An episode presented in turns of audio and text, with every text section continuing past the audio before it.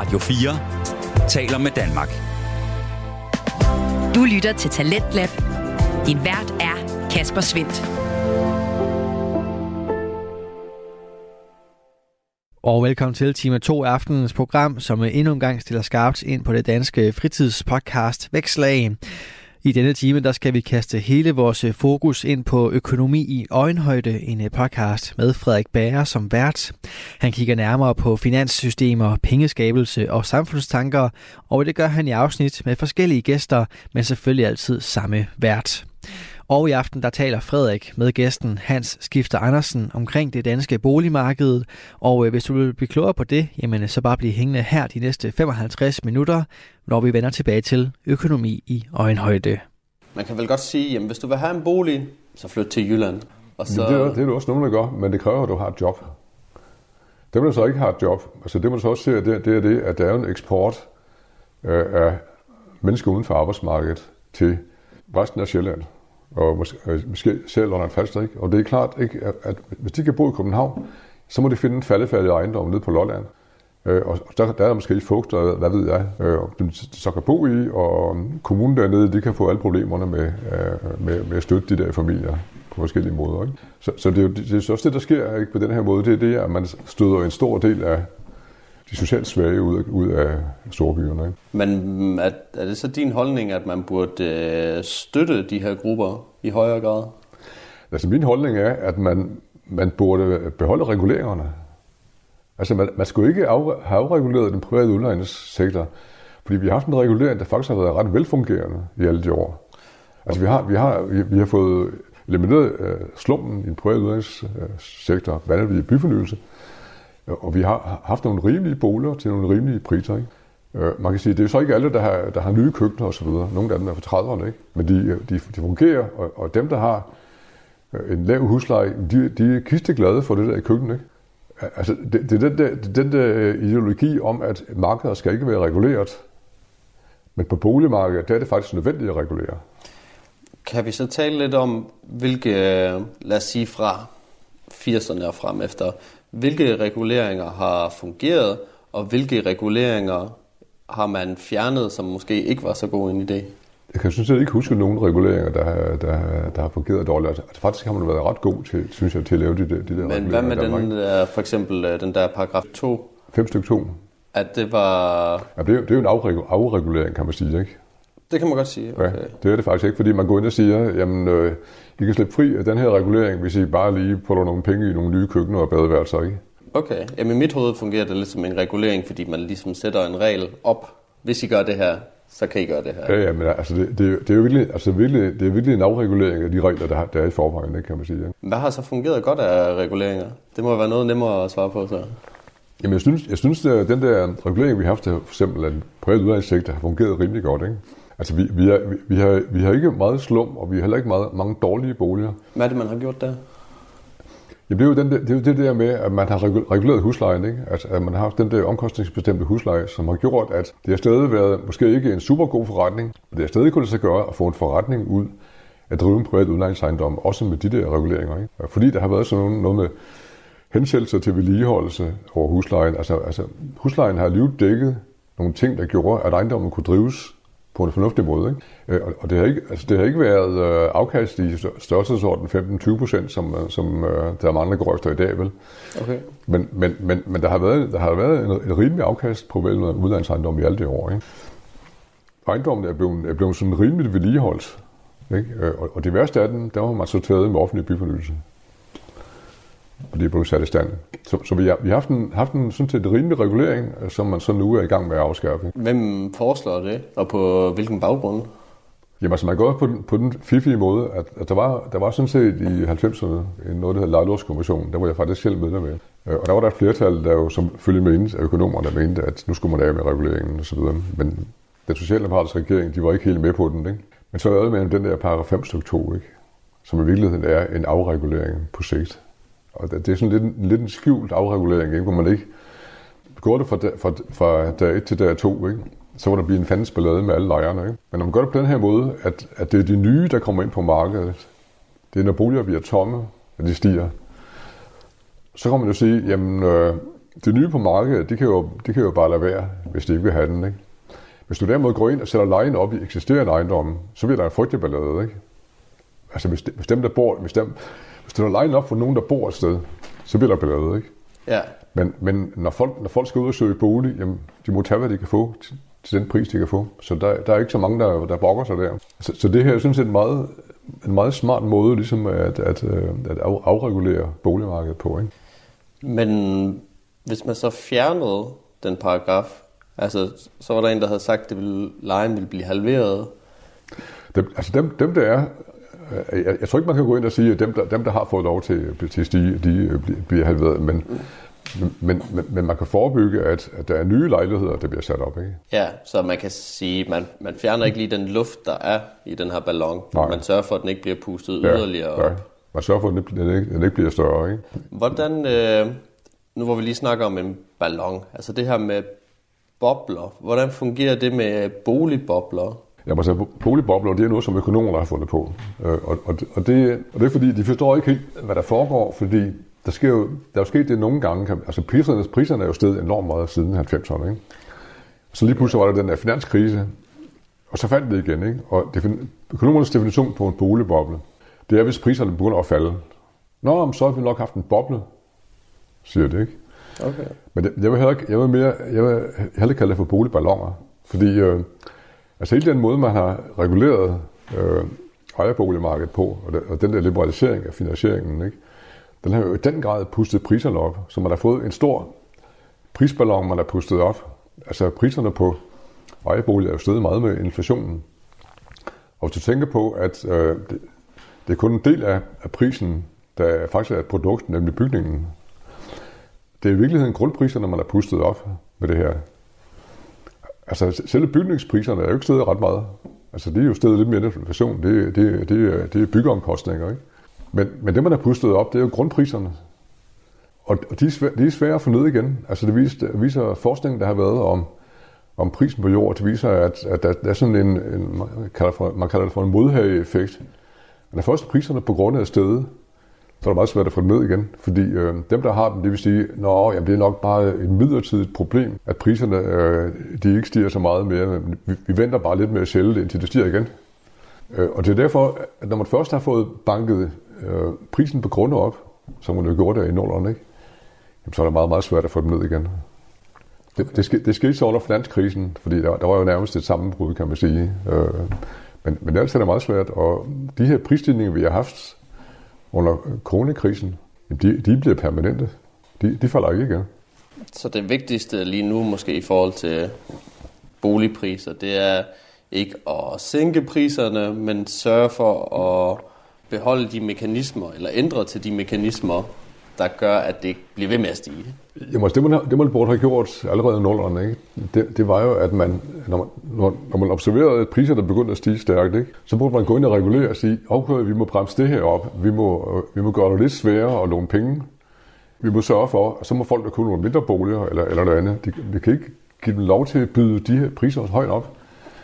Men det er ligesom om økonomerne siger, jamen det der regulerer markedet, det må I hellere holde os fra, det, sådan noget gør vi ikke. Man burde allerede dengang, og man burde aldrig have lavet det der autostrygelån. Det, det, var, det, det var det, det, det rene galmandsværk, ikke? fordi det var det, der pustede, det var faktisk det, der skabte boligboblen under finanskrisen. Ikke? Jo, At man Jo. fik pustet priserne så højt op, så, så lige pludselig skulle det, ikke, kunne det ikke bære mere. Ja, lad os, øh, lad os, jeg vil gerne høre din mening om det. Fordi jeg blev først lidt overrasket. Altså det her med økonomi, det er relativt nyt for mig. Øh, så jeg blev lidt overrasket over, da jeg fandt ud af det her med, at banker og realkredit og ejendomsmælere, at, at det faktisk er under samme tag. At der, hvor du får øh, lån til din bolig, det er, ja, det er realkredit, og det er banker, der ejer det. Øh, som for eksempel ved Nykredit, så har du Nybolig. Ved Danske Bank har du Home. Øh, og de har så også nogle af deres ejendomsmalere.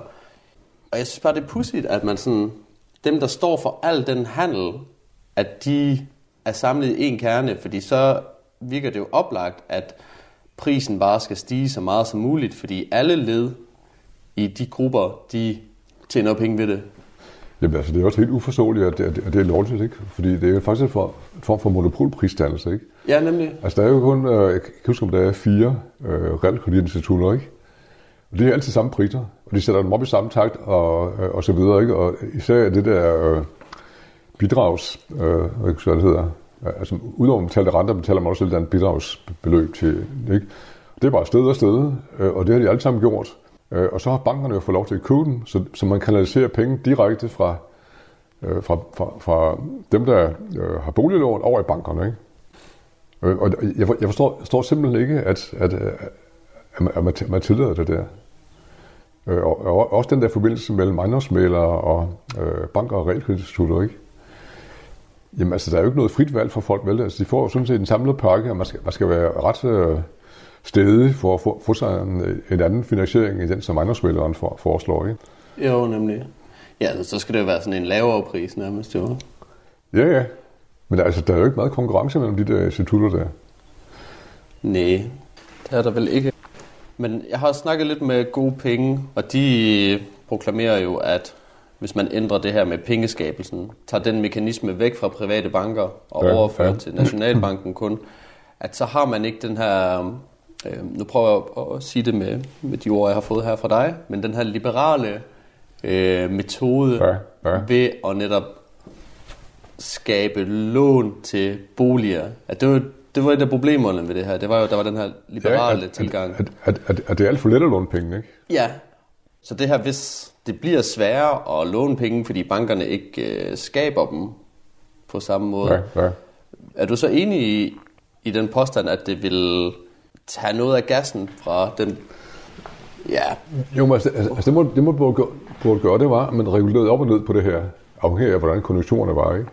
Altså i Nordland, der burde man helt klart have reguleret ned, fordi øh, mm. det, det gik det helt græsat, ikke?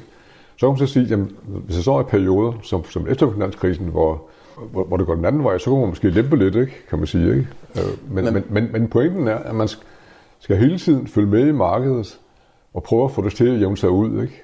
I stedet for bare at lade det køre op og ned, som, som, som man har, sådan set har gjort. Ikke? Men hvad synes du i forhold til det her med at øh, fjerne bankers evne til at skabe penge? Så det var faktiske penge, man skulle bruge til at ja, købe altså, boliger altså det, med. Det, det er ikke noget, der helt sat, sat mig ind i det. Så det, det kan jeg Nå, nok men bare det, altså, Ja. Jeg prøver egentlig bare at få en, to tanker, nemlig det her med, øh, altså at gode penge, de siger, at man Ja, skal ja. lave om på pengeskabelsen, Ja. men så også den her, øh, fordi det virker som om du fortaler for, at man skal skrue ned fra den her liberale måde at låne penge ud på. Ja, men det, er, det, er det, jeg fortsætter for, det, det er, at man regulerer den hele tiden. At man, man, man stikker fingrene i jorden og siger, hvad sker der lige nu? Nu må jeg så lige regulere op og ned på det her, øh, så- sådan så vi ikke får et overophedet boligmarked, eller det modsatte. Ikke? Det, det, det, synes jeg, det synes jeg er me- mest det, jeg går ind for. Udmærket. Altså, man, man, skal, man skal være bevidst om, at det, man gør, det har direkte øh, konsekvens for, for, for, for jordpriserne. Ikke? Når jeg tænker på reguleringer, så tænker jeg, at de sådan lidt, øh, de kigger lidt bagudrettet. Altså, der, var, der skete nogle af de her tilfælde her, eller der har lige været højkonjunktur eller lavkonjunktur. Ja. Derfor regulerer vi lige derefter, kontra at se der, er jo- fremad. der er jo sådan set ret gode aktuelle data hele tiden om, hvad der sker på boligmarkedet. Altså, Finans, øh, hvad hedder det, Finansrådet, ikke? de laver hele tiden statistik, og det er nærmest en måned bagud og sådan noget. Ikke? Man kan hele tiden se, hvad der sker. Øh, Og der findes masser af god statistik om, hvor, mange boliger der er nu på markedet, og hvor- hvordan er prisudviklingen. Ikke? Det kunne man sagtens bruge til at sige, hov, nu er det jo altså lidt for, lidt for meget det gode, nu må vi lige sætte tempoet ned her. Ikke? Ja. Synes du, der så skulle være sådan et individuelt råd eller lignende, der skulle lave de her anbefalinger til? Ja, det kunne være Nationalbanken simpelthen. Ikke? Og Nationalbanken har også været ude her øh, for nylig og sige, at nu må jeg altså, altså dengang der priserne begyndte at stige under coronakrisen, nu må jeg altså gå ud og sætte en hæl i, men det vil regeringen ikke, vel? De, de, vil, ikke- de vil ikke genere nogen boligejere. Tænk, tænk på dem, der ikke kan få det hus, de gerne vil have. Ja, det ville være ærgerligt. Men det er jo også bare et, et scenarie, der kommer til at ske på lang sigt, altså det der, at folk ikke kan få de boliger, de vil have. Fordi det er vel rigtigt nok, at det er blevet sværere for den almene borger at få boliger, eller få, et, få sit eget hjem. Altså, det afhænger jo lidt, ligesom, hvilket ambitionsniveau man har, ikke? Kan man sige, du kan altid, du kan altid få en, øh, en bolig i lejre, eller, hvor, eller, eller, eller, eller et sted på Sjælland, hvis du vil det. Jamen, jeg tænker at eje, altså det der, Ja, det er blevet du- nemmere du- eller sværere at Jo, eje. men altså, du kan, altså, hvis du kommer en ejerbolig nede i Faxe, det er meget billigere, ikke? Øh, Og der er faktisk mange, der, der pendler fra Faxe til København, ikke? Det er så også et problem, ikke? Men, men du kan altid få en bolig, det er spørgsmål om dit ambitionsniveau. nu kommer jeg jo fra Jylland, og der kan vi jo godt lave lidt sjov med, at det man kan få en etværelses for i Ja, ja. København, det kan man jo få en gård for Ja, i, ja, ja. i Og det er jo helt utroligt, ikke? Ja. Og det, det er jo ikke fordi bygningerne er dyre i København, det er fordi grunden er dyre, ikke? Ja, men det, der så gør grundene dyre, altså du har snakket lidt om det, men jeg, jeg ser for mig lidt, at det er fordi, der kommer den her større mangel. Altså fordi så bygger jeg noget der, og det udelukker jo andre fra at kunne bygge noget der. Nej, altså det, det har noget med at gøre med, at der er mange mennesker i øh, øh Københavnsområdet. Der er rigtig mange penge, og så vil betale rigtig meget for at bo det rigtige sted. Øh, ikke for, som i Gentofte, ikke for langt fra byen, eller ude ved kysten, eller noget andet. Ikke? Det er jo det, der presser priserne op. Ikke? Det er det, at der er rigtig gode indkomster her, øh, og der, der er meget forskel på øh, beliggenheden, kan man sige, i København. Ikke? Så kan man sige, at det er lidt billigere ude i Hvidovre, der, men der er det også, også blevet, blevet dyrt efterhånden. Ikke? Øh, og det, det er igen det der med, at Altså, der er nogen, der bor i Hvidovre, fordi de altid har boet der, ikke? Og de vil ikke flytte et andet sted hen. Og de vil så villige til at betale prisen for at bo der, ikke? Og så er der andre, der, der, der bor der, fordi de gerne vil have et hus. Og det er ikke så langt fra København og så videre, ikke? Altså, altså grunden til, at priserne stiger, det er primært, fordi indkomsterne sidder så meget her i hovedstadsområdet. Ikke? Der, der, er flere, der kan, der kan byde op. Man kan byde højere og højere mm. på, på det der auktionsmarked, ikke? Ja, Det, det er jo det, man gør, ikke? og dermed at få et bedre lån, kan man sige. Ja, og så har man samtidig, har, samtidig også været, været, været nemt at få lån, ikke? Ja, til, ja. til at fin- finansiere det med. Okay. Øhm, jeg har en sætning her. Hvis boligmarkedet er en fest, hvem er ikke inviteret? Altså, jeg synes, det der med at kalde boligmarkedet for en fest, det, det, det, øh, det, det, det er altså helt, helt, helt forkert ikke, i virkeligheden. Ikke? Fordi det er sgu ikke nogen fest, øh, at, man, at, man, at grundpriserne de stiger. Tværtimod, det er noget, som bliver et stort problem i fremtiden. Altså, altså det, det er virkelig en katastrofe, kan man sige. Ikke? Og så er der så nogen, man kan sige lige præcis dem, der bor der lige nu, de, de kan så få nogle gevinster, som de ikke bliver beskattet af. Ikke? Men, men på længere sigt er det faktisk dårligt for landet. Ikke? Det, det er dårligt, at, at øh, man skal betale mere for at bruge jorden. Det, altså, det er jo en begrænset ressource. Ja, men hvad hvis man ser på det med sådan et øh, balanceperspektiv, at okay, det kan godt være, at det er dårligere for dem, der gerne vil bo i København, fordi der stiger priserne, men til gengæld for Farum eller andre steder, at så går folk jo mere i den retning, fordi der er priserne bedre. Så der sker den her balancering, hvor alle sammen ikke bare flytter til København, men Jo, men altså, der- sker jo det, at alle priserne stiger i hovedstadsområdet. Ikke? De stiger bare lidt forskelligt sagt. Altså, jo længere, jo længere væk du er fra bymidten af en, af en stor by, øh, jo lavere er grundpriserne. Ikke? Og derfor er det, er det så også billigere at bo. Det er klart, hvis du flytter op til Hundested, det er så det billigste sted øh, i, i regionen, ikke, kan man sige. Ikke? Altså, altså, det, det er et spørgsmål, hvor langt væk du vil bo fra arbejdspladserne, ikke? Som, som jo er i høj grad centreret inde, inde omkring byen. Ikke? Du lytter til Radio 4. Du er skruet ind på programmet til Dansk Lab her på Radio 4, hvor jeg, Kasper Svindt, i aften kan præsentere dig for to afsnit fra Danske Fritidspodcast. Her som nummer to er det fra Økonomi i Øjenhøjde, der har verden Frederik Bager. Han taler i aften med eksperten Hans Skifter Andersen omkring det danske boligmarked, og deres samtale vender vi tilbage til her. hvad kan man sige er med til at opretholde den her nuværende struktur på boligmarkedet? Altså, der er mange ting, mange ting, der gør, kan man sige, ikke? Men, men, men øh, og det er, også, svært- det, er også, det er også svært at lave om på det, kan, kan man sige, ikke? Men det er klart, at man kan i hvert fald forsøge at forhindre, at det her, det fortsætter. At den her såkaldte fest, den fortsætter, ikke?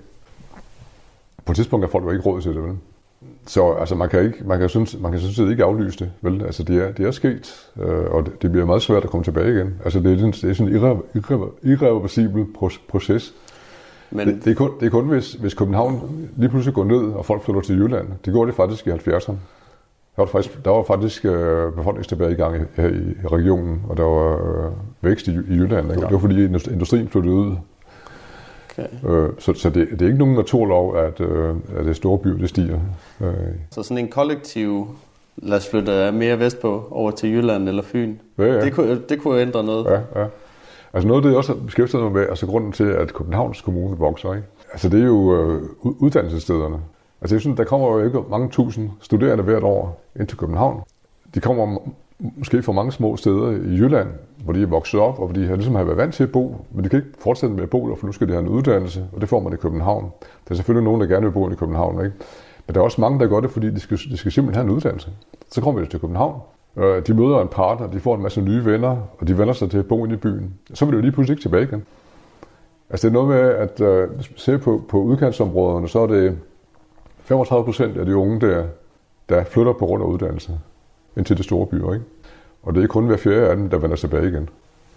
Okay. Så resten, resten de, de bliver inde i byen, og som man kan sige, Københavns vækst, den, den er øh, sket ved, at der er en masse unge, der kommer ind, og de bliver hængende.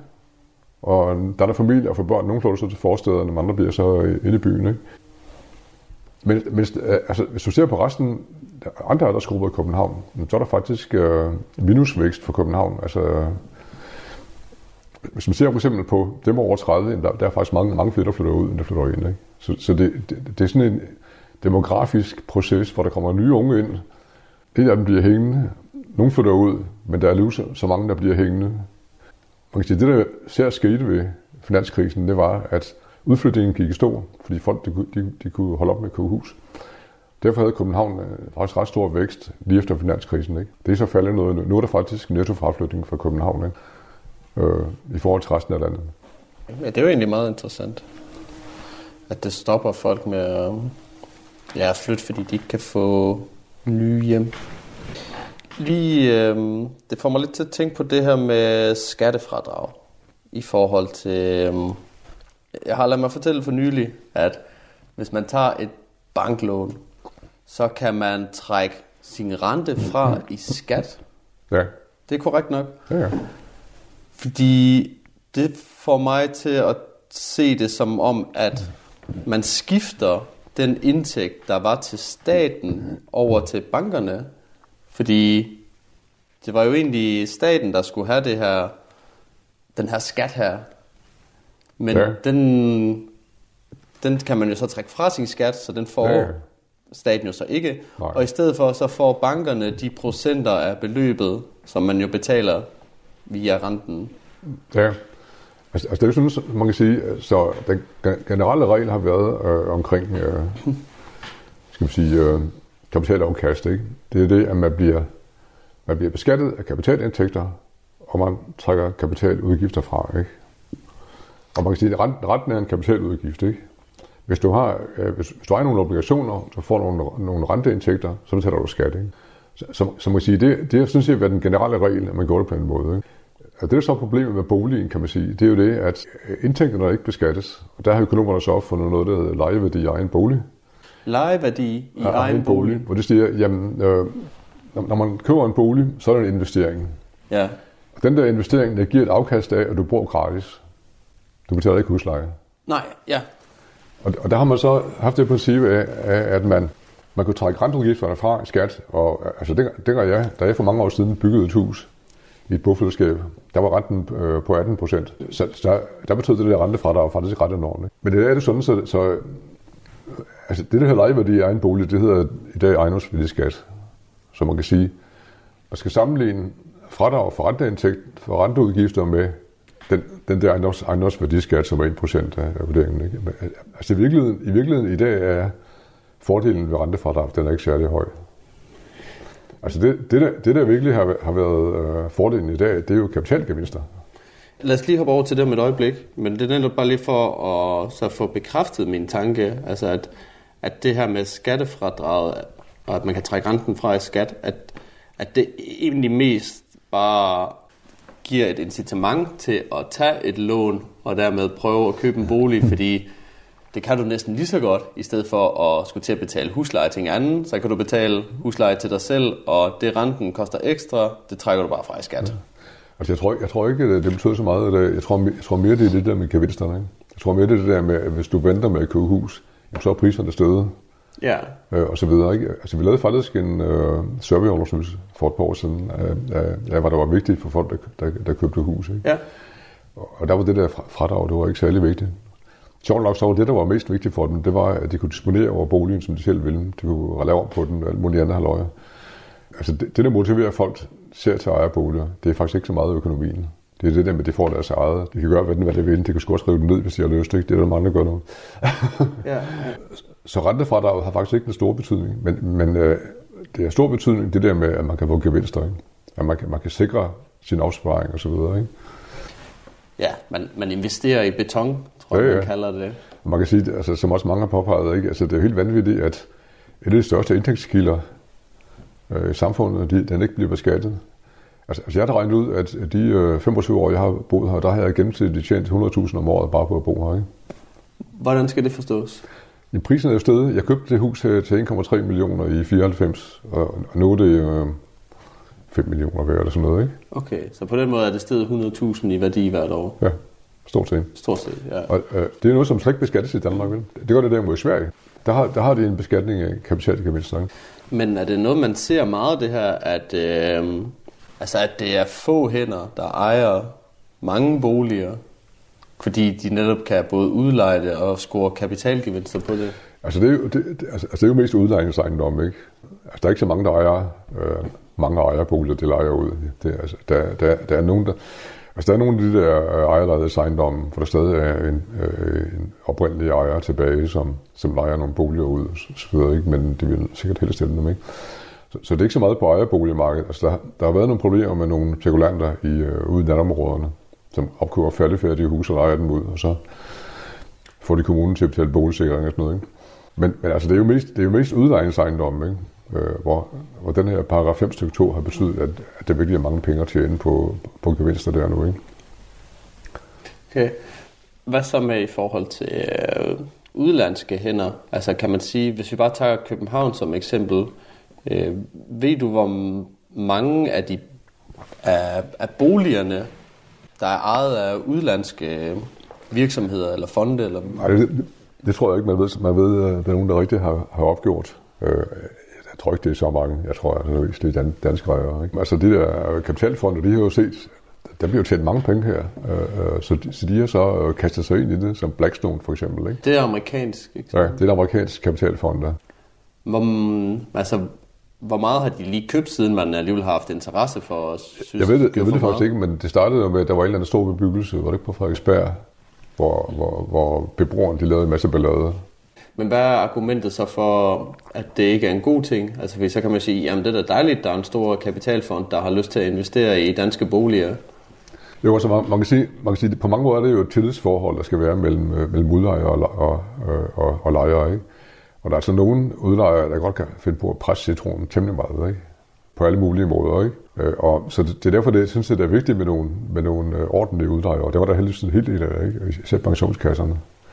Og den udlejefindingen går også meget ud af, at, øh, at, at de har sådan en vis moralsk status og forpligtelse til, at det skal være ordentlige forhold, og der skal ikke være spekulans, øh, spekulation i den, den værste slags, hvor man ikke, ikke passer ejendommen ordentligt, og ikke servicerer øh, lejerne ordentligt, og prøver at presse flere penge ud af den, end, end, end, end man faktisk er berettiget til. Ikke? Ja, man kan da sige, at udlejer har da lidt et uheldigt ry. Altså, altså nogle af dem, der har, altså, altså, jeg, jeg tror, at, at de fleste af dem, de, de, følger, de følger reglerne strikt, ikke? Og, og nu er der så den der paragraf 5 2, og den kan de bruge, og det gør de så, ikke? Altså, det, der er ikke noget, sådan set, ulovligt, eller noget umoralske, det, vel? Det, altså, de, de følger bare reglerne, ikke? Ja, men det er sådan meget sjovt, fordi det minder mig lidt om, da jeg snakkede med gode penge også. Altså det her med banker, de gør ikke noget ulovligt, de følger reglerne, øh, men der er alligevel en indbygget mekanisme, som går ud over almindelige borgere. Ved dem var det så noget i forhold til, når der er kriser. Ja. Her er det så i forhold til boligmarkedet. Altså at vi har nogle mekanismer, der gør det almindeligt, eller svært for almindelige danskere at komme ind på et område, de ikke allerede er inde på. Jamen, du kan ikke kritisere, skal vi sige, udlejerne af bankerne for, for, at de gør noget, der er lovligt, vel? Altså, det, det, det er så politikerne, kan man sige, man skal kritisere, ikke? Men hvis vi tager den der stykke 2, ja. at, vil den kunne være til at ændre inden for det næste år, lad os sige det? Altså faktisk er den blevet modereret nu på den måde, at man, øh, øh, den der Blackstone-lov, som man kalder den, ikke? At, man, at nye, nye ejere, de skal, de skal have haft ejendommen mindst seks år, før de kan begynde at bruge den, ikke? Man kan sige, den, man sådan ligesom skubber det lidt ud, ikke? Men man kunne sagtens bare afskaffe den. Altså, der er faktisk nogle regler, i, nogle almindelige regler i, i lejelovgivningen, der siger, at man kan, man kan sagtens lave forbedringer osv., øh, men så er der så bare nogle regler for, hvordan man skal veje huslejen, og de er ikke, de er ikke så gode, som de er, øh, hvis du bruger den anden, den anden øh, regel. Ikke? Du kan sagtens få en, en rimelig afkast af at lave forbedringer i, og det, og det har man også brugt. Det er derfor, de synes, at det er rimelig vedligeholdt de fleste ejendomme. Ikke? Så man, man kunne sagtens, fra den, den der i morgen, kunne man sagtens afskaffe den der regel. Og det eneste, det vil betyde, som vores udlejerforeninger siger, det vil, det vil sige, at forventningerne om stigende priser vil ophøre, og det vil sige, at prisen på ejendommen vil falde. Det lyder godt i mine øre. Ikke? Og det, det er der så nogen, der vil tabe på. Øh, og, altså hvis det, helt fint, at, at folk får gevinster, så er det meget forkert, hvis de taber. Det, det, det er politikerne ikke så meget. Ja. Jeg sidder og får en idé om, hvad hvis man øh, havde som regel, at man faktisk kun måtte øh, eje én ejendom per person? Altså nu, nu, er mange, altså nu er det øh, i stedet højere grad selskaber, ikke? Altså, altså ejendomsselskaber og pensionskasser, som ejer ejendommen. Ikke? Der er stadig en del enkeltpersoner, der har, der har ejendomme. Ikke? Men altså de der, der er mange store selskaber, de har rigtig mange ejendomme. Ikke? Og det kan man da set ikke, altså det, det, det, er ikke sikkert, det vil være nogen fordel øh, at gå ind og regulere det, fordi vi lavede et projekt for nogle år siden, hvor vi faktisk undersøgte det der med, øh, hvordan små private udlejere, det fungerede i forhold til de store selskaber, ikke? Ja, spændende. Og problemet med de små private, de, de, de er ikke professionelle nok, men de, altså, de er ikke i stand til at drive ejendommen tilstrækkeligt professionelt. Så. Hvad hvis man gjorde det mere statsstyret? Altså at i stedet for, at det var store virksomheder, der havde alle lejlighederne, så var det lidt mere tilbage til de her sociale boliger. Jo, altså man kan jo også sige, at man kunne give øh, de almindelige boligselskaber lov til at købe nogle flere ejendomme, men altså nu er de blevet så dyre alle sammen, så, det, så det, der er ikke så meget fedus i det, det mere, vel? Men øh, altså ellers kan man sige, man, altså man har jo sådan set et, øh, nogle private investorer, som poster penge i, i boligejendomme, ikke? og det er jo det er i princippet en god ting. Men det, der så er gået galt, det er det, at nu, nu får det bare for meget ud af det. Ikke? Gevinsten er, den er blevet for stor simpelthen. Ikke? Kan man sige, at der er nogen, der taber ved det her? Altså fordi det kan jo også lyde meget godt, at der er nogen, der får nogle fede gevinster, og det er jo ikke fordi folk bliver tvunget til at købe boliger. Så er der overhovedet taber i det her? Jamen, der taber jo alle dem, som enten skal have en bolig, eller som skal have en bedre bolig. Ikke? Fordi de, de kommer til at betale mere for det. Ikke? Så, så der er en masse tabere på, på boligmarkedet, kan man sige, som kommer til at bo rigtig dyrt. Øh, og konsekvensen i København har jo været, at der er rigtig mange, der deler bolig. Øh, jeg tror, vi regnede ud, at det var det mellem, mellem 50 og 70.000 inde i Københavns Kommune, der deler boliger. Okay. Og så, med nogen, som de ikke er i familie med, eller par, der er par med, eller sådan noget. Ja, jamen det, kan, det kender jeg da godt til. Men hvad er så udsigten for, lad os tage mig selv som eksempel, altså jeg står derude for boligmarkedet, øh, og har ikke en million stor opsparing til at kunne overbevise en bank med. Hvilken udsigt har jeg? Hvad, hvad kan jeg håbe på? Ja, du kan blive skrevet op i et almindeligt boligselskab. Blive skrevet op? Det er... Ja, på, på en venteliste. Fordi jeg tror, det er langt i København. Jeg har hørt sådan noget med 30 år på de der ventelister. Ja, ja. Der, Og hvis, hvis du er så heldig at kende nogen, der bor i en anden boligforening, så kan du måske blive skrevet op der. Øh, eller hvis du kender en udlejer, der stadig udlejer billige lejligheder, så, så er der måske også en mulighed der. Men det er vel svært bare på grund af jordpriserne, eller grundpriserne? Ja, altså der er, jo, der er jo stadig, jeg ved ikke, altså der er jo stadig nogle ejendomme, der ikke er gået over, der ikke bruger det der fra 5 stykke 2. Det, er, det er sikkert sådan nogle små private udlejere, jeg ved ikke rigtig, hvor mange er tilbage af den. øh, som lejer lejligheder ud til, til, skal vi sige, til, til lavere priser. Ikke? Der, jeg ved ikke, hvor mange, mange der er tilbage af den. Lad os prøve at øh, flippe den på hovedet. Lad os sige, at jeg har en milliard stor opsparing, og øh, jeg faktisk gerne vil gøre noget godt for boligsøgende i København. Vil jeg kunne købe et større område, eller større boligdel, og så selv regulere priserne, som jeg har lyst til? Jo, altså hvis du selv køber en ejendom, så kan du sådan set selv bestemme huslejen, ikke? inden ja. for de rammer, der nu, der nu er lagt. Ikke? Det, kan, det kan du sagtens gøre. Hvad kunne være... Altså, fordi så er der jo stadig den der grundpris, man skulle betale. Men er det til at sige, hvor meget den ligger på per måned? Der er jo, der er jo en høj pris, ikke? Men, men det er klart, du, du kommer til at tage penge på det. Ikke? Du kan ikke hvis, beholde værdien, eller hvad kan man sige, eller have en gevinst ud af det, så, så, så, så må huslejerne jo op på en eller anden måde. Ikke? Jamen, jeg tænker egentlig, at det skal være uden gevinst. Det skulle egentlig bare være for det der med at... Forrente den kapital, du putter ind i, bare med 2% eller hvad, hvad, hvad det nu er, ikke? Jamen, så, så, og der er også drift, driftsudgifter og alt muligt andet løg, ikke? Jamen, så, så, bliver der, så bliver der nogle høje huslejer. Ikke? Okay. Det, det, det, bliver ikke så højt som det der par 5 stykke 2, men, men øh, det bliver et godt stykke deroppe af. Ja, gratis bliver det i hvert fald ikke. Nej. Det kan man ikke forvente. Hvad tror du, der vil ske, hvis, øh, hvis man fjernede den boliggæld, der eksisterer i Danmark? Fordi der er jo rigtig mange, der har lånt penge til at købe boliger, og der har vi så også en kæmpe gæld. Men hvis man nu fjernede den for at lad os sige, stimulere økonomien eller hjælpe nogle familier? Altså, for det første vil du, vil du fjerne noget, øh, vil det koste noget at fjerne den, kan man sige, ikke? Øh, og for det andet vil man jo føre folk en masse penge. Øh, og, og, hvor, hvorfor skulle man gøre det? Ja, måske de ikke er så bundet op på... Altså, altså lad os sige, der kom en krise inden Ja, for et par ja. år. Og så har vi rigtig mange folk, som har en gæld i forhold til deres bolig, fordi Ja. de vil gerne lige med ind på markedet. Ja, ja. Og nu står de så klemt i det, at, at man kan se for den sociale dynamik, så vil det være kæmpe ulighedsskabende, hvis de folk de skulle afbetale deres gæld, som er umulige, fordi renterne er så store, og der er ingen jobs. Jamen, så tror jeg, at en bedre løsning vil være at skifte noget af gælden ud med et øh, renteafdragsfrit lån, for eksempel. Ikke? Sådan så de, de ikke kommer til, at- til at betale øh, til et land, for eksempel et andet statslån, for eksempel kommer igen med at sige, jamen, jamen, det her lån, det forfalder først den dag I dør, eller, eller hvad ved jeg, ikke? Men hvordan hænger det sammen med, fordi øh, for lidt siden øh, kritiserede du afdragsfri lån. Jo, men det er noget andet, hvis, du, hvis folk står i en situation, hvor de vil tage penge, kan man sige, ikke? Øh, hvor, hvor de er nødt til at flytte, hvor det er en situation, hvor det vil gå, gå for lidt, for eksempel, ikke? Altså, man kan, man kan gøre det i forbindelse med sådan en, øh, jeg ved ikke, hvad det hedder, når folk får lov til at gå for lidt, ikke? I forbindelse med sådan noget der, kunne, man- kunne man, kunne man lave nogle særlige støtteordninger, ikke? Men det, det skulle kun være folk, som er kommet, kommet i klemme, ikke? Du lytter til Talentlab på Radio 4. Vi er i gang med aftenens andet podcast afsnit her i Talent Lab. Det er programmet på Radio 4, der giver dig mulighed for at høre nogle af Danmarks bedste fritidspodcast. Mit navn er Kasper Svendt, og i denne time der har jeg fornøjelsen af at give dig et øh, afsnit fra Økonomi i Øjenhøjde. Det er en øh, podcast med Frederik Bager som øh, vært. Og han taler i aftenens afsnit med Hans Skifter Andersen, og den sidste bid af deres samtale får du her, hvor vi skal til at se lidt fremad.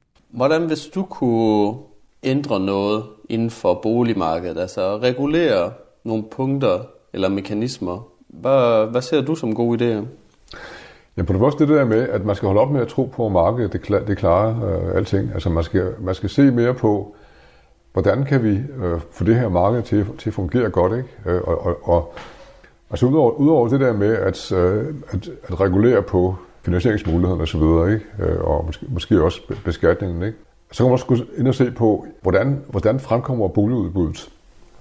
Øh, og især, hvordan fremkommer nybyggeriet Øh, Og hvorfor har vi sådan et problem med, at nybyggeriet altid halter bagefter? Og så bliver der sådan en overshooting, og jeg tror i øjeblikket, tror jeg faktisk, det er i gang med en slags overshooting, fordi det bliver bygget så frygtelig meget. Altså, at de bygger mere, end der er brug for. De bygger meget mere, end der bliver brug for. Og det hænger jo blandet sammen med den måde, skal vi sige, hele planlægningssystemet fungerer på. Mange andre byer, der har man sådan en overordnet storbykommune, for eksempel Wien, der, som dækker hele by, storbyområdet. Ikke? Og så har man nogle underordnede distriktskommuner, der står for den offentlige service. Ikke? Øh, og den overordnede storkommune, det er den, der udlægger grunde, planlægger, hvor skal der bygges, øh, og så videre, og så videre. I Danmark er der sådan, at hver enkelt kommune, de sidder der og fifler med nogle kroner, og skal vi nu bygge det her ud, og og skal vi, eller skal vi lade være, og hvad så med skoler, og alt muligt andet løg, ikke? Og faktisk var et af problemerne der i slutningen af 90'erne, det var, at der var ikke nogen kommuner, der udbød nogen grunde. Og derfor steg priserne gevaldigt, ikke? Altså, det er meget vigtigt, at man ser på, hvor er det, der kan bygges inden? Øh, hvordan kan vi, hvordan kan vi undgå, at grundpriserne stiger mere end højst nødvendigt? Det, det, det, det, det, er, det er altså alfa og omega, og det kan man ikke i et system, hvor der er 50 kommuner, der hver for sig sidder og tager sine egne beslutninger. Men hvordan påvirker det hinanden, altså kommunerne imellem? Altså, hvad, hvad, hvilken forskel ville det være, om det var styret fra et sted eller 50 steder? Jo, Det, det, der sker lige nu, det er, jo, det er jo det, at når boligpriserne stiger, for eksempel i København, når det er første omgang, så betyder det, at grunden er alt- andet lige over hele regionen bliver mere, mere værd, kan man sige. Ikke? Øh, og det gør det jo, fordi det er et begrænset antal grunde. Øh, og når, når, der, når der er en bygherre, den endelig får fat i en grund, så siger han, Nå, jamen, altså inde i København, der kan vi sælge den så og så meget, og når vi så tager, øh, det vil sige herude kan vi sælge den for så så meget, øh, og bygningsprisen det er det, så bliver grunden faktisk mere værd. Og man kan se, at alle de her projekter, der er der en kamp mellem bygherrerne og kommunen om at få lov til at bygge mest muligt på den samme grund. Ikke? Altså det gælder, det gælder om, at det man tjener penge på, det er faktisk øh, at, at udnytte grunden. Ikke? Altså jo mere man kan få lov til at bygge, øh, og jo færre grunden der er, jo højere bliver priserne. Så, så man kan sige, at alene det, at man har et, et, et fuldstændig kaotisk øh, jordmarked, øh, udbygning af grunde i regionen, ikke? Det, det, gør jo, at priserne bliver for høje. Men hvordan ville det så være anderledes, hvis det ikke var 50 kommuner, der skulle slås om Jamen, det? jamen det, det, hvis- det var der overordnet, altså man, før tiden, der havde man noget, der hed Ho- Hovedstadens Udviklingsråd, der prøvede at lave sådan nogle øh, planlæggelser og sige, der, vi kan udbygge der og der, og vi kan gøre sådan og sådan, ikke? Øh, og, det har man jo ikke i dag, vel? Øh, man, man kan jo hele tiden ligesom følge mere med og så sige, jamen, hvor er det nu, vi skal placere nogle strategiske grunde, øh, og, og, og, og hvornår skal vi... Det er selv det med for byggemodende grunde, ikke? Der, der kan godt være nogle, nogle grunde, der ikke, der ikke er bebygget, men de er så ikke, de er så ikke gjort klar til, til, til, til det kan bruges. I øjeblikket der er alle kommunerne i gang med at bygge mod en grunde lige pludselig. Ikke? For fem år siden, der var der ikke nogen, der gjorde noget som helst, fordi der, der havde der været finanskrise, og det hele lå nede. Ikke? Men altså hele, hele, hele, hele det der med at være opmærksom på, øh, hvad er det, der bestemmer grundpriserne, ikke? og hvordan får, hvordan, hvordan får man et tilstrækkeligt udbud af grunden. Øh, det, det er heller ikke noget, markedet automatisk kan regulere det der. Nej, ja, det er jo meget interessant. Det er jo, men det er jo også en hel diskussion i sig selv, kan ja, jeg forestille ja. mig, hvordan man gør det. Hvordan i forhold til, øhm, at det så er, der kunne det godt lyde som om, at det er lidt af kommunerne, der faktisk fastsætter priserne, fordi de bestemmer, hvor meget der skal bygges, og deraf også, hvor meget priserne ændres. Er det korrekt nok? Jo, altså, de har, de har en stor indflydelse på den måde, at, at, de, øh, øh at de regulerer udbuddet af grunden, kan man sige. De, de, de skal jo bygge modne grunde, før de, de udbydes, ikke?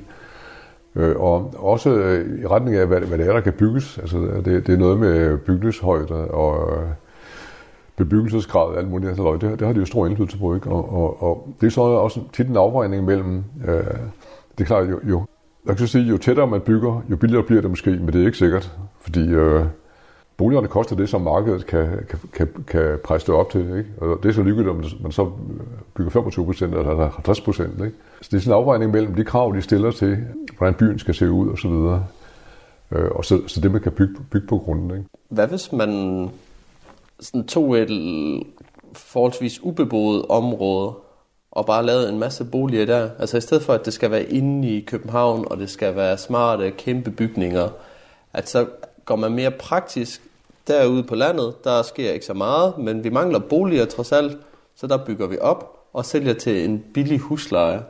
Hvorfor over... I, øjeblikket bliver der faktisk bygget rigtig meget på, øh, på, på, på ubebyggede grunde rundt omkring i, i regionen her. Ikke?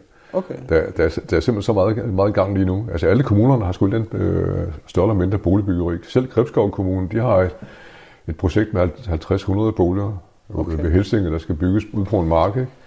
Så, så det er faktisk godt i gang, øh, alt, alt det der. Ikke? Og, og i princippet kan man også sige, at at Lynetteholm, det er jo sådan set det, er jo det samme princip. Det er bare en dyr måde at gøre det på, ikke? Ja, ja nemlig. og man udlægger et helt område, som man så, så bygger på. Men, men tror du, de bygger for meget så?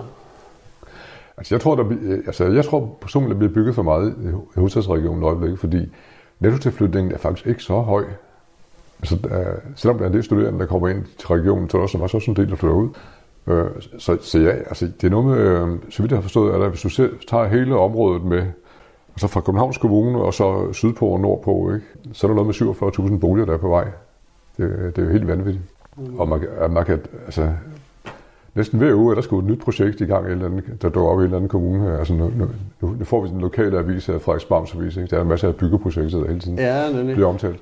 det er nærmest også svært at besøge en by, uden at der er vejarbejde ja, eller andet ja, sted. Ja.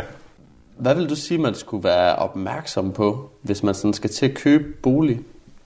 Altså, så man ikke lige pludselig bliver overrasket over, at øh, huslejen stiger, for eksempel. Ja, altså hvis, hvis man køber en, en ejerbolig, så, så, har man jo, så er det sådan set mest øh, spørgsmål om renteudviklingen og spørgsmål om, hvorfor en slags lån man tager og sådan noget. Ikke? Øh, men det, ellers skal man kun være glad for, hvis priserne stiger. det er det ikke. Og, og man kan sige, altså i almindelige boliger, øh, Jamen altså, der kan godt, der kan også ske det, at der lige pludselig skal laves nogle øh, istandsættelser og sådan noget i, i en almindelig bolig, som, som gør, at huslejen kan stige. Ikke? Men ellers, ellers er det synes jeg, ret, ret sikkert, hvad... Okay, det er fordi, der lige er nogle faldgrupper. Der, der, der, på ældreandens boliger kan man sige, der er også, øh, altså, der er også nogle, nogle regler, som gør, at når man først er flyttet ind, øh, så er huslejen øh, rimelig stabil. Altså, der skal også være noget med ekstra udgifter eller en slags, øh, som, som kan få huslejen til at stige. Altså man kan ikke bare sådan gå ind og hæve huslejen. Øh, jeg har et lige et sidste tænkt eksempel. Dem har vi haft et par stykker af, men øh, jeg synes, de er lidt sjove i forbindelse med boligmarkedet her. Øh, vi havde det her med Landsbyggefonden. Ja. Der var en øh, fond, som blev betalt til, at den gæld, øh, man havde sin lån til boliger med, Ja, altså, altså den bliver betalt af, af, for, de, for de ældre ejendomme, som ikke har, ikke har nogen lån tilbage, ikke? Ja. Hvad hvis, og det så her det tænkte eksempel kommer til, hvis alle de lån, lad os sige, man stoppede med at bygge nye boliger, ja. så vi har kun, øh, lad os kalde dem, de gamle boliger, og vi har afbetalt den gæld, der skulle være i dem. Hvad gør det for vores boligmarked, at vi ikke har så meget gæld, men vi faktisk har ja, færdige bygninger, der egentlig bare kræver øh, vedligeholdelse og sådan lidt drift? Ja, altså jeg tror, det er et meget tænkt eksempel der. øh, og altså det vil så kun være den almindelige sektor, hvor, hvor, hvor, hvor, hvor der, man kunne tænke sig måske at sige, jamen nu har vi råd til at sætte huslejerne ned og sådan noget. Ikke? I resten af boligmarkedet, der tror jeg, der vil være nogle investorer, der, der gerne høster en gevinst. Ja, øh, så den almindelige sektor er altså det, som er drevet af staten? Nej, altså det er jo, det er jo, øh, det er jo selvejende. Det er, det er, faktisk, de er faktisk private. Det er, okay. det er, selv, det er selvejende øh, boligforeninger, der, øh, der faktisk ejer den. Ikke? Så er så det, at, at øh, altså, der er jo del lovgivning og, og kontrol af den, fordi de får offentlig støtte, kan man sige. Ikke? Øh, og en del af den kontrol, det er jo sådan set, at, at politikerne kan til vis grad bestemme, hvad Landsbyggefonden skal bruge sine penge til. Og der er det jo blandt andet bestemt, at man skal bruge en masse penge på, på, på det, de kalder for øh, ghettoområder. Ikke? Øh, mere eller mindre nødvendigt. Der har, der har de udskrevet 12 milliarder for Landsbyggefonden til, til, til det, der, det der område, som er led i et eller andet politisk. Hvad gør man der så? Altså, hvad, hvad, hvad hjælper de penge? Ja, det er et godt spørgsmål.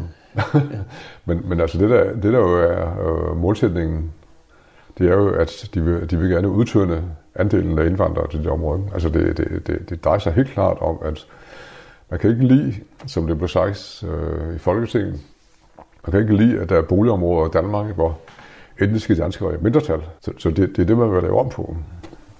Man skal have de der minoriteter spredt ud på en bedre måde. Det, det synes jeg, det der er ideen i det. Ikke? Ja, selvom det gør det ikke meget nemmere at se, hvordan pengene skal hjælpe på det. Jo, fordi øh, altså det man jo så gøre, det er det, at man øh, bygger dem om. Øh, altså man kan, jo, man kan jo ikke gå ind og sige, du kommer fra Palæstina, og du må flytte. Det kan man da ikke vel. Altså det er, jo, det er jo diskrimination. Så det man går i stedet for det, går man og siger, jamen den der bolig, du bor i, den bliver solgt til, som privat udlejningsboliger nu. Til gengæld bygger vi så nogle nye, men der, men, men, men der er du ikke berettiget til at flytte ind. Så du er nødt til at flytte. Hvorfor siger man det? Altså fordi du ikke har boet i Danmark i 30 år, eller hvordan? Jamen, altså, altså det, kriterierne for de der bebyggelser, det er jo, at der skal være mindst 50 procent, øh, som enten er født, født i såkaldt ikke-vestligt land, eller er øh, efterkommer af nogen, der er født i ikke-vestligt land. Ikke? Okay, men er det ikke bare at rykke lidt rundt på situationen? Altså, jo, det vil det sikkert blive, fordi de, de skal jo bo et sted. Ikke? Det kunne godt ligne, at det måske er de samme lidt vilkår, der gør, at de søger et bestemt sted hen.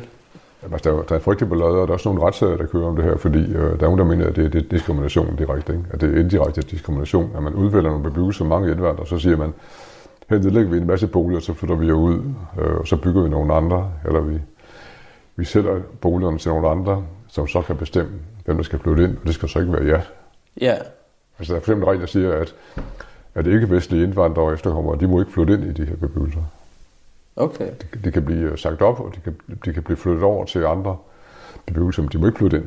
Man vil have en anden etnisk sammen, sammensætning af områderne. Ikke? Ved du, hvordan det fungerer med ukrainske flygtninge lige for tiden? Altså det er, fordi jeg forestiller mig, at så kommer de til Danmark, hvor man har sagt, ja. vi vil gerne tage imod jer. Men man kræver vel ikke husleje fra dem? Eller hvordan fungerer det? Jo, så man, man gør nok på den måde, at man, man giver dem øh, noget støtte, øh, altså, altså en offentlig støtte, nogle penge, og så skal de selv betale husleje. Ikke? Og så får de måske også boligsikring og sådan noget. Ikke? Det er den måde, det fungerer på.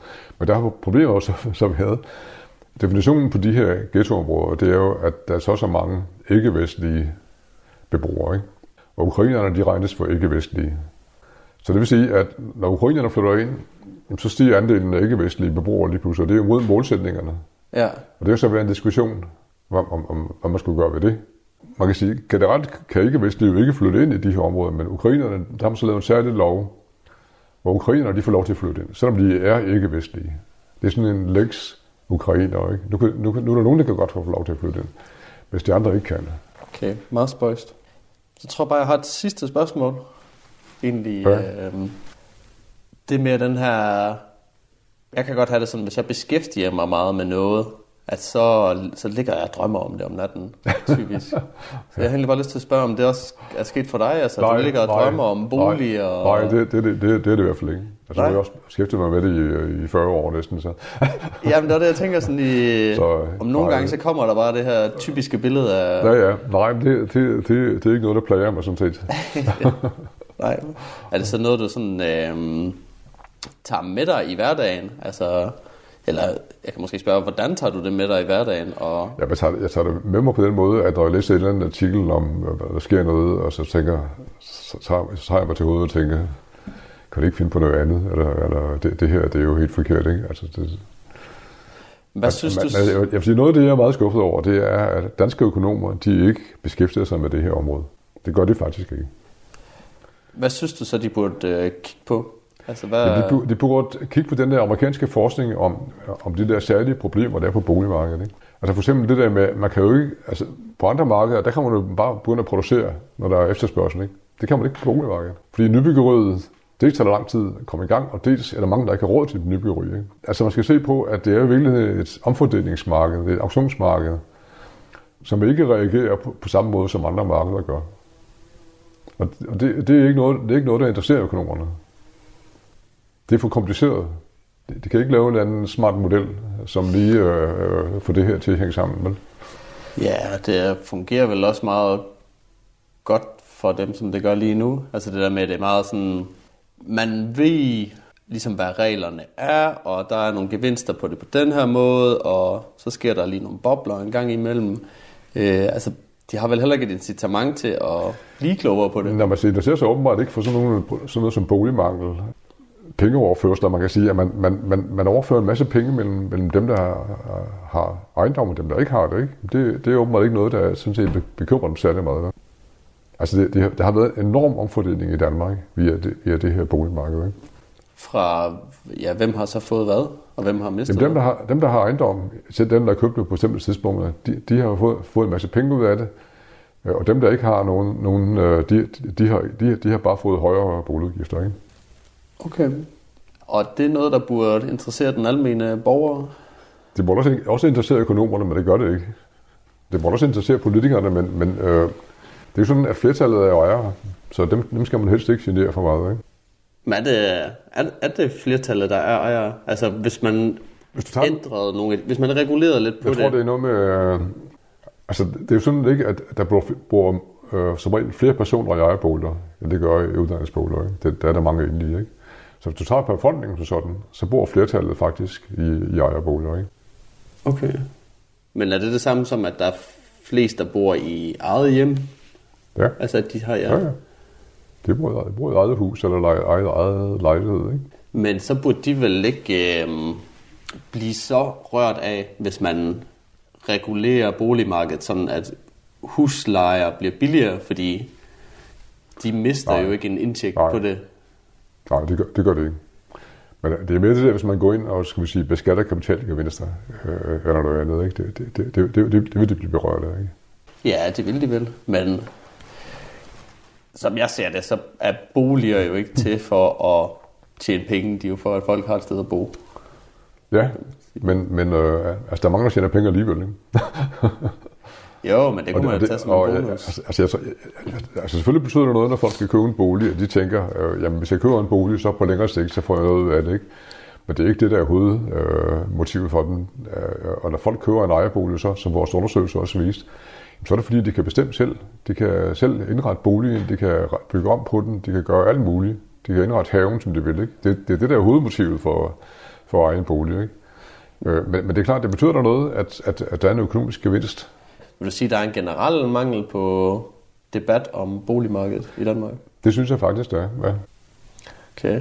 Men vi kan da håbe, at øhm, det her afsnit det vil lægge op til nogen, at de bliver lidt mere interesseret ja. og kritisk ja, over for ja, det. Ja.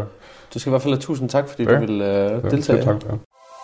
Radio 4 taler med Danmark. Og her var det altså aftenens sidste fritidspodcast, som øh, hedder Økonomi i øjenhøjde og har verden Frederik Bager. Og således så kom vi frem til øh, afslutningen for aftenens program, hvor øh, vi også ud over økonomi i øjenhøjde kunne høre fra Maria Kudal og hendes podcast Frygteligt Fascinerende. Du kan finde begge fritidspodcast inde på din foretrukne podcast tjeneste og alle tidligere Talent Lab udsendelser inde på radio4.dk og i vores Radio 4 app. Mit navn er Kasper Svendt, og nu er det tid til nattevagten her på kanalen, så bare bliv hængende, god fornøjelse og forhåbentlig også på genlyt.